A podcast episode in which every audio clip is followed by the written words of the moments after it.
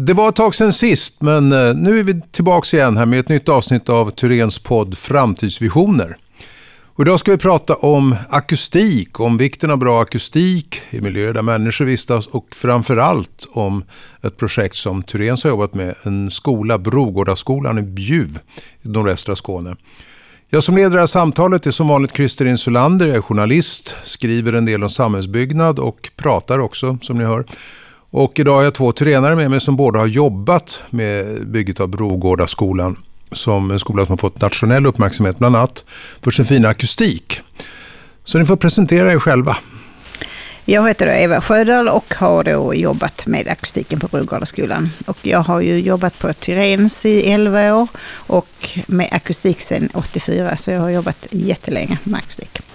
Din titel är akustiker eller vad är Akustiker, egentligen är man ju civilingenjör, men eh, jag kallar mig akustiker. Det, det. Och visst är det så att den här studion vi spelar in just nu, här har du varit och faktiskt jobbat med akustiken? Ja, det var, det var säkert tio år sedan. Det var lite roligt för man ville ha bostäder i eh, grannfastigheten. Och den här, de spelar inte bara in sådana här radioprogram utan de spelar ju även in um, hårdrocksmusik och det störde så mycket till grannarna. Man försökte göra hur mycket åtgärder som helst men till sist fick eh, studion köpa in den här lägenheten som låg intill. Så det blev inte så helt bra. Så allting, allting går inte att fixa med, med eh, mm. som vi ska prata om i skolan mm. här sen. Eh, Håkan? Eh, jag heter Håkan Fjällström och har varit verksam i bygg och fastighetsbranschen efter Tekniska högskolan då, 1974 och framåt.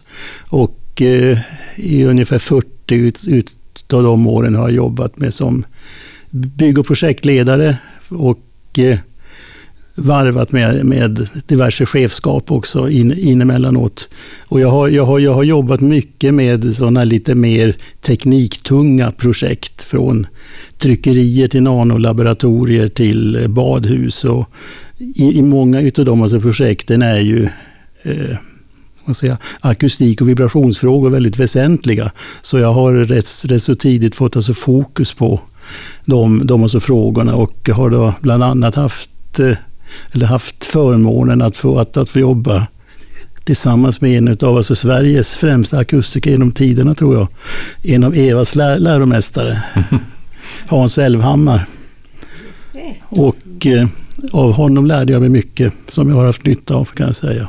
Och det här projektet vi pratar om nu, eller låter det trist att kalla en skola för ett projekt, men den här skolan, eh, det här har ni genomfört på det som kallas för samverkansentreprenad eller partnering. Berätta lite grann om, om din och Tyrens roll och kort hur ni jobbade när ni lät bygga den här skolan. Ja, vi, jag kom ju då in som den, som, som, som, som den första externa aktören i, i slutet av 2015 och jag hade då i samband med att det blev upphandlat så, så hade jag lagt, lagt fram ett alltså, förslag på alltså projektplan och genomförandeform. Och det in, innehöll då bland annat att man skulle ha ett partningssamarbete partnersamarbete med en, en, en entreprenör. Men kanske ännu viktigare var att jag, att jag ville att eh, jag skulle alltså tillsammans med, med alltså mig då som, som alltså projektledare för eh, byggprojektledare, så ville jag ha en verksamhetsprojektledare, för jag vet ju någorlunda hur man bygger hus, men jag är inte pedagog på, på, på, på det sättet att jag kan, kan liksom uttala mig om hur, hur en byggnad ska tjäna verksamheten, alltså ska tjäna un, undervisningen. Så att därför ville jag ha någon som liksom kanaliserade brukarnas önskemål och alltså krav på hur byggnaden skulle se ut. Och eh, det, det blev alltså tillgodosett så att i, i, i alltså februari 2016 var, var alltså den personer som heter, för, för det heter Ante Rundqvist var inne och började jobba med, med personalen i seminarier och så workshopsform. Och därefter då i, i ja, ungefär juni 2016, då, då hade vi entreprenören på plats som, som då blev NCC. Och då, och då var det då var där du kom in i bilden, eller hur? Ja, jag kom in, jag blev anlitad av NCC som då att ta hand om akustiken. Och det var ju redan från, eh, ja, från början när man började projektera och sen har jag varit med under hela tiden när man gjorde sen bygghandlingar och till att vi byggde och när man sen har slutade vi med att göra kontrollmätningar av det hela. Och, och hur såg de här, eh, inför då projektering, hur såg kraven på akustik ut? Alltså det var ju sagt att man ville, det finns ju olika ljudklasser som man uppfyller. Massa BBR har ju så kallas ljudklass C och det är liksom minimikrav. Och här har man då valt att man skulle ha ljudklass B som skulle gälla generellt. Och sen samtidigt så skulle man ju också miljöcertifiera det. Men kraven är enligt ljudklass B liksom är strängare än de här miljöcertifieringskraven. Så att eh, genom att vi gjorde det så klarar man, uppfyller man alla kraven. Och det, de har man följt till punkt och pricka. Mm. Och de här kraven då, ljudklass B, hur, hur, vad beskrivs i de kraven? Vad är det som krävs? Alltså det är ju krav, man sätter ju krav på ljud, luftljusisolering, ljud högsta stegljusnivå, ljudnivå från installationer, trafik och efterklangstid. Och efterklangstid är liksom hur eh, väl eh, dämpat det är i rummet kan man säga. Det är det som vi brukar, vanliga människor brukar kalla för eko, eller? Ja, det är att man inte ska ha eko. Avsaknad av eko. Avsaknad av eko. Avsaknad av eko, ja. Avsaknad av eko passar bättre. Ja. Och, kan du berätta lite mer, vad är det för någonting man mäter? Man, mät, man mäter då efterklangen, vad är det mer man mäter för någonting? Alltså man mäter just alla det man sätter krav på. Man gör ju ljudstandard, då har man liksom preciserat krav för alla olika utrymmen. Det är väldigt skillnad man har, om det är en musiksal så får man ett mycket strängare krav än man har kanske ett grupprum och så, så att man får liksom göra en plan där man markerar alla dessa krav på de olika utrymmena. Och sen ställer man ju krav på alla parametrarna och sen gör man ju då efteråt när man byggt så kontrollmäter med att man uppfyller de, det man har ställt krav på. Och det är ljudisolering. Det är till exempel hur det hörs om man pratar i ett rum till det andra rummet. Och stegljud det är att det inte ska höras när folk går och skapar stolar. Och installationsljud är ju från ventilationen och trafikbuller är ju från bilarna som passerar utanför. Och sen är det efterklangstiden då som är att man, rummet ska vara ganska dämpat. Hur, hur samarbetade ni två under det här Eh, just när det pratar om akustiken i det här projektet?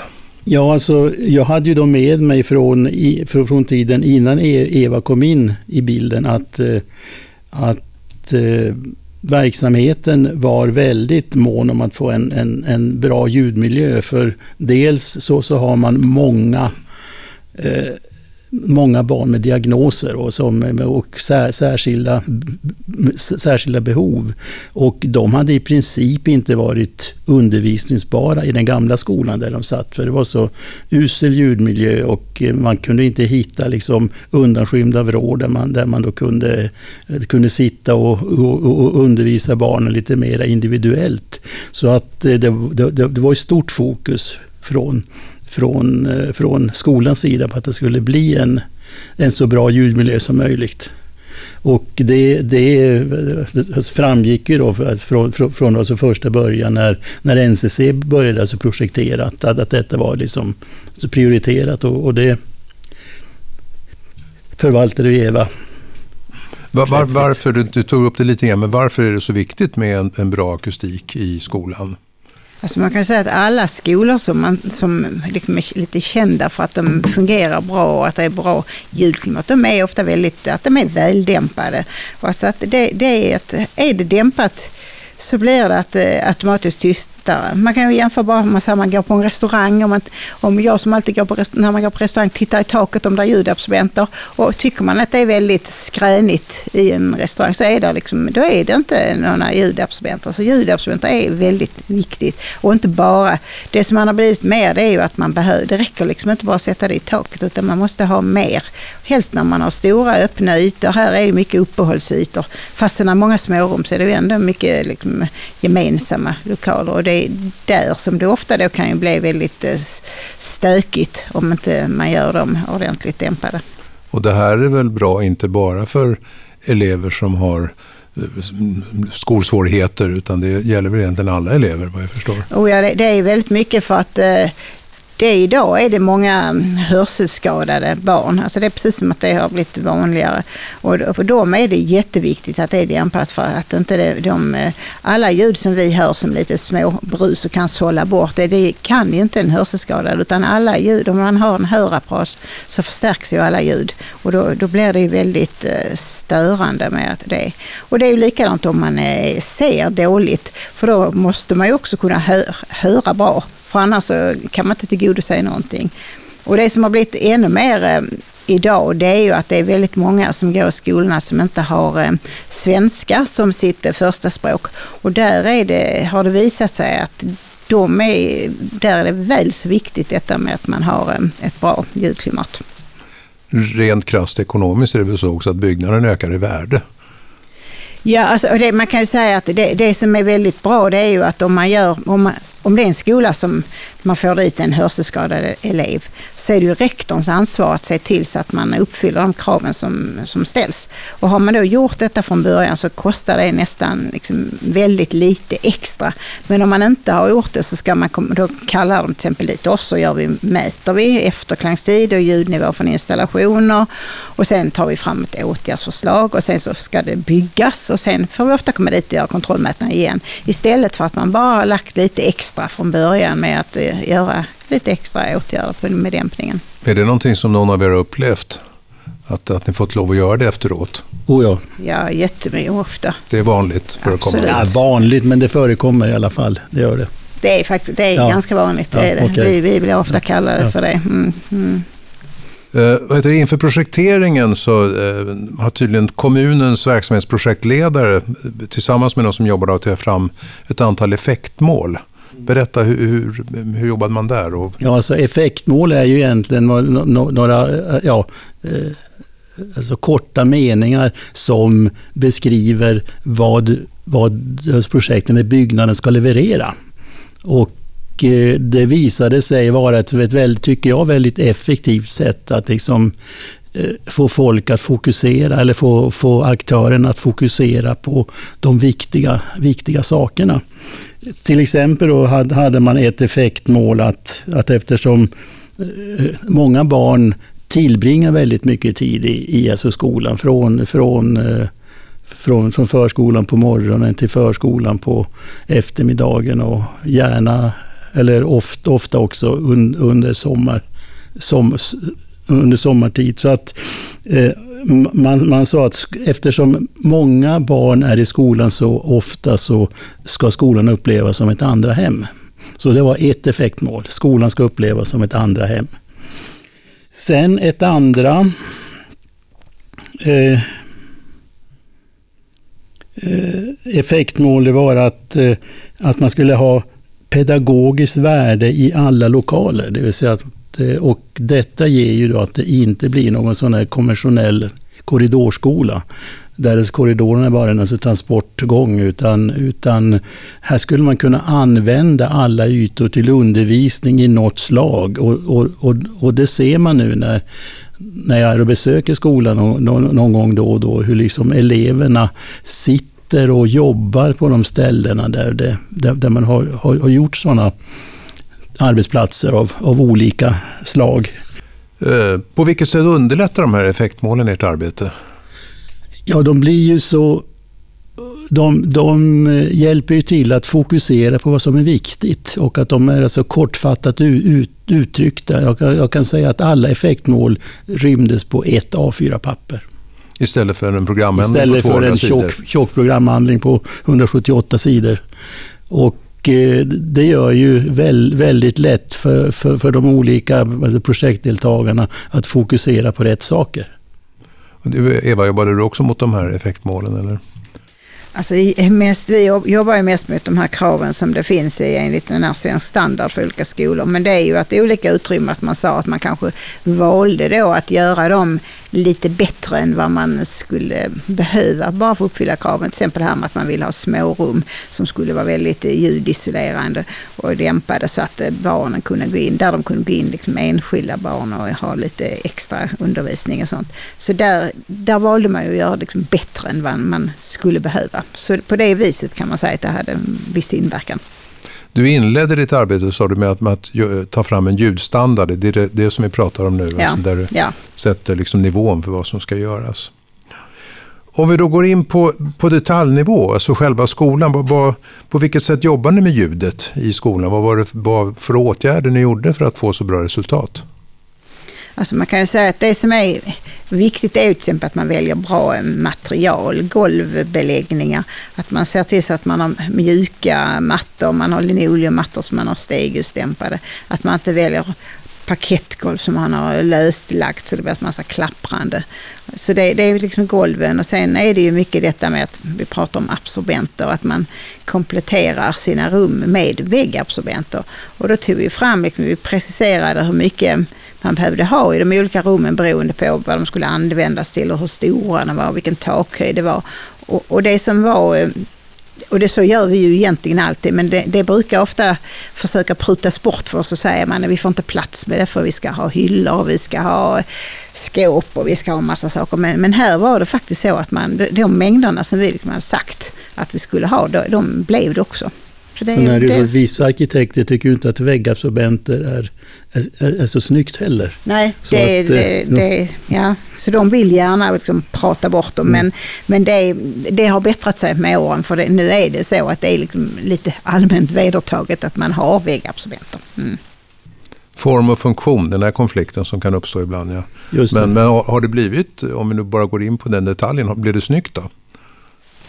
Alltså det blir snyggt. Det, det, det, det, ja, jag tycker ja. när, när arkitekten köpte ju Evas riktlinjer då, eh, absorbentmängd och absorbent, absorbentklass. Sen då så, så hit, hit, hittade de då liksom lämpliga material rent eh, arkitektoniskt och färgsättningsmässigt. Så det har, det, har, det, har, det har blivit jättebra tycker jag.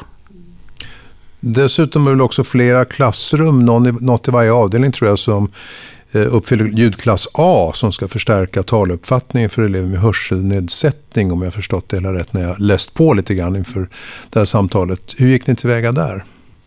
Det är ju egentligen bara att man gör ännu mer av de här andra sakerna kan man säga. Ju.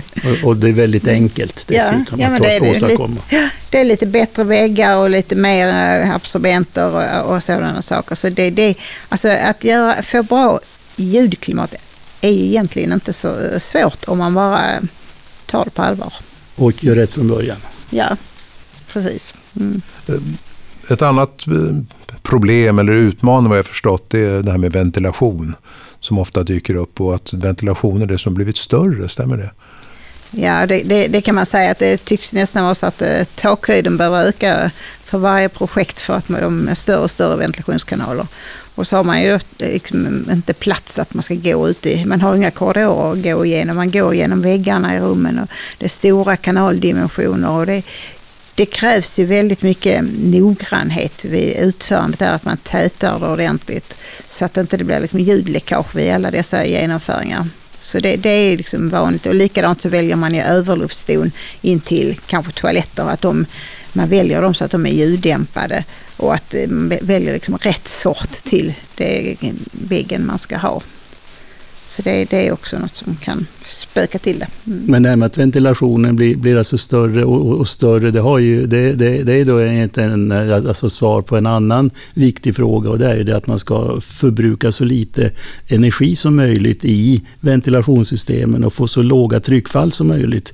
Och då, och då måste man ha stora kanaldimensioner så man får låga lufthastigheter. Till exempel så att eh, det är ju, det, det, det är ju en del av lagkraven på en byggnad också, som då får konsekvenser att det kan bli lite, ja, man, får vara egentligen mer noggrann när man, när man gör ljud, ljuddämpningsåtgärder i genomföringen och sånt, för det, det, det är lätt att Många ja, hänsyn ja. som kan krocka ibland med andra ord. Ja, alltså man kan ja. säga ju större kanaler desto högre ljudkrav desto svårare är det ju att få igenom. Men det som är bra med, med att ha låga lufthastigheter det är ju att ljudnivån från själva donen blir ju lägre om det är låga lufthastigheter. Så på det viset är det bra kan man säga. Mm. Vilka har varit de största utmaningarna i det här projektet då, den här, när ni byggde den här skolan? Ja, från, från min horisont var, var, var, var det dels tidplanen plus att vi hade en ganska snäv budget. Eh, och eh, men när jag, när jag då, eh, alltså all, alldeles i början då så, så var jag ju också, ja, eh, var, var jag också rädd kanske att inte det, det här samarbetet med, eh, med, med att eh, alltså, ta fram brukarkraven i tidigt skede, om inte det hade, hade funkat, då hade det blivit, blivit svårt. Men när jag, när jag såg att det var på plats och, och, och vi hade en, en, en bra entreprenör på plats och när det började rulla och, och det, det, det, rullade åt rätt håll kan man säga.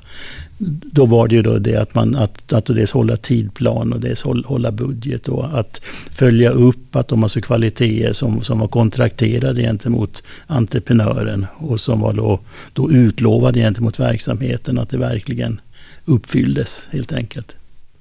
Och ja, vad tycker du var de största utmaningarna i ditt arbete?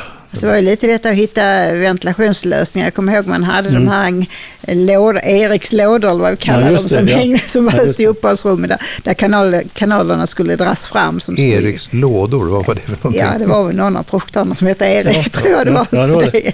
ja, och det var hans där han fick lov att dra sina kanaler och, för att, och liksom så att man såg till så att inte det ljudet, att det höll sig i hans lådor så att det gick utanför.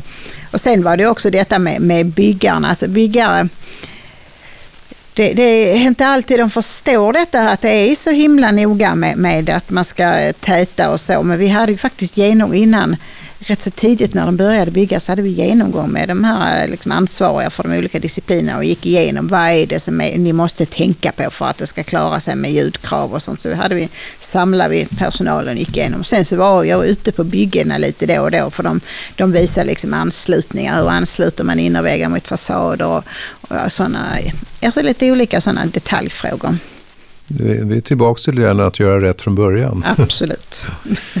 Om vi nu, resultatet då, så jag läste någonstans att eh, lärarna kallar ljudmiljön i den här skolan för ett himmelrike. Eh, vad, vad säger ni, är ni nöjda med eh, som det blev? Den har ju blivit uppmärksammad. Du berättar Håkan att det har varit studiebesök från hela landet, eller? Ja, kanske inte hela landet, men många studiebesök i alla fall har det varit. Och Eh, eh, sen då så är det faktiskt, och så sen då så har den, har den, kommit, har, har den blivit uppmärksammad av, av, av, av Boverket också. Kommit in på, på Bo, Boverkets hemsida som ett, ett utav alltså tre exempel på så bra skolbyggnader som har, alltså nya, nya sko, skolbyggnader. Och sedan i måndags var faktiskt eh, eh, Kasper Salin-juryn på besök också. Alltså skolan har blivit nominerad till, till alltså Kasper Salin-priset och det, och det var då 50 nomineringar varav juryn skulle besöka 25 av dem. Så att det har i alla fall kommit ett steg på vägen. Spännande. Och du Eva, du har ju varit där efteråt också och tittat och följt upp och du är också stolt och nöjd över resultatet. Ja, alltså det måste man vara om de säger att ljudmiljön är ett himmelrike. Det, det, kan man, det är väl ett bra omdöme får man säga. Bättre betyg kan man inte få. Det kan man inte få, nej. Eh, om vi höjer blicken och tittar hur lite grann generellt hur vi jobbar med akustik och ljudmiljöer idag. Hur ser utvecklingen ut? I samhället. Hur ser vi på det med ljud och akustik och den frågan? Tar vi det mer på allvar? Ja, alltså det får man faktiskt säga att det, dels är det ju lite att eh, allmänheten är ju mycket mer eh, påpasslig. Att man mer eh, liksom vet sina, vad man tycker är rättigheter. Att de ska, mitt barn går här och det ska vara bra. Och liksom, annars så byter vi skola. Jag vet vi höll på med någon annan skola i en kommun då. Och där var det att de, de skulle vilja bygga en ny skola bara för att barnen valde att gå i en annan ort bara för att de tyckte det var så dåliga skolor. Så har man byggt en ny gymnasieskola där som man också satsat väldigt mycket på ljudet. Och nu har det vänt, trenden vänt att nu söker de sig inom kommunen. Så att det, det, är, man har, det har blivit, alla, på alla fronter har det blivit mer uppmärksammat faktiskt. Håkan, du stöter säkert på upphandlingar eh, i ditt arbete. Mm, kan du ja. se någon trend eller tendens där när det gäller eh, akustik och ljud på kraven som ställs? Ja, jag tycker väl eh, att, att man från alltså beställarsidan är man inte alltid så alert på att ställa krav på just akustik faktiskt. Så det är väl så att man är inte riktigt, ja, man är inte riktigt eh, alltså, tekniskt kunnig i tillräcklig mån. Tror jag. Men, men, men då, då, då alltså räcker det att man då, då eh, får in en, ja, en, en alltså projektledare, en arkitekt, en konstruktör och en, och en, och en, och en akustiker som, som, som också förstår detta, då, då, då så kan man ju uppfylla det kravet också. Men, men i många fall tror jag inte riktigt att beställarna Alltså man, man alltså säger då i, i allmänna ordalag att ja, givetvis ska vår byggnad ha bra ljud. Men man, man, man vet inte riktigt vad man ska göra för att uppnå det. Och jag kan väl säga det att i, i, i vissa kontorsbyggnader eh, där, där, där man har öppna landskap som är helt nybyggda. Men där, där är ofta ljudmiljön dålig, rent ut sagt dålig. Och eh, Upplever du det också Eva? Ja, alltså det, det, är ju lite detta att, att ibland säger att man vill, man vill inte ha väggabsorbenter, man vill liksom inte ha, man vill ha glaspartier, man vill ha skjutor, men så ska man samtidigt så, så är det mycket det här med, med miljöcertifiering. Om man vill miljöcertifiera sig, det, det är liksom ett väldigt plus då för att byggnadens eh, värde ökar. Och, och då måste man uppfylla vissa krav och då, där är ju liksom ljud en av parametrarna. Så, att liksom, ja, så då får vi ju säga, ja men om ni inte vill, det går inte att miljöcertifiera sig om ni inte följer de reglerna som finns. Och liksom, så det, det, är inte vi som har hittat på de här reglerna och det är ni som vill certifiera sig. Nu får ni faktiskt liksom anpassa er till detta. Och då brukar vi få igenom vad vi vill. Bra, intressant, spännande. Eh, innan vi avslutar bara höra, har ni något, någonting sista ni vill tillägga? Ja, jag, jag, tycker, jag tycker ju det att, eh, att, liksom, att leda ett ett, ett, ett, ett, projekt, det är ju som att orientera. Man tar ut en, en rak kurs mellan, mellan eh, kontrollerna och så sen innebär det då i verkligheten att man får göra vissa avsteg från den där eh, raka linjen, till exempel ett stenröse eller ett kärr eller något sånt. Och det är ungefär samma sak som att, eh, att, att, att, eh, att leda ett projekt. Man, man man vet vilka de uppsatta målen är, men det, men det, det så krävs ibland, eller rent ut sagt ofta, eh, improvisationer som, som man måste göra för att lö, lösa dagliga ak akuta situationer. Och, men, men då är det viktigt att man inte hittar det, eller att man inte tappar det långsiktiga målet på vägen så att man liksom börjar, börjar gira av från den raka rätta linjen så att säga. Och eh, har inte alla projektdeltagare samma målbild och hög dedikation så är det alltså svårt att uppnå det där bra måluppfyllelsen. Och hur man då ska få alla projektdeltagare att visa så hög dedikation som man har gjort på alltså Brogårdaskolan. Jag, jag vet inte, jag, jag har ingen liksom, patentlösning för, för det, men det är liksom de, de högre klasserna utav, utav, utav ledarskap tror jag som Alltså nu, nu, nu, menar jag inte att jag uppfyller det, men, men ska man liksom eh, få människor att jobba dedikerat och, och hårt för en idé, alltså, alltså krävs det vissa, eh, vissa åtgärder och jag vet inte riktigt vilka faktiskt, det ska jag ärligt säga. Hur får man människor att att göra sitt yttersta för ett ett... ett det, det, det får bli en separat podd. Ja, det blir en separat podd. Ja, absolut. Eva, har du någonting mer du vill tillägga?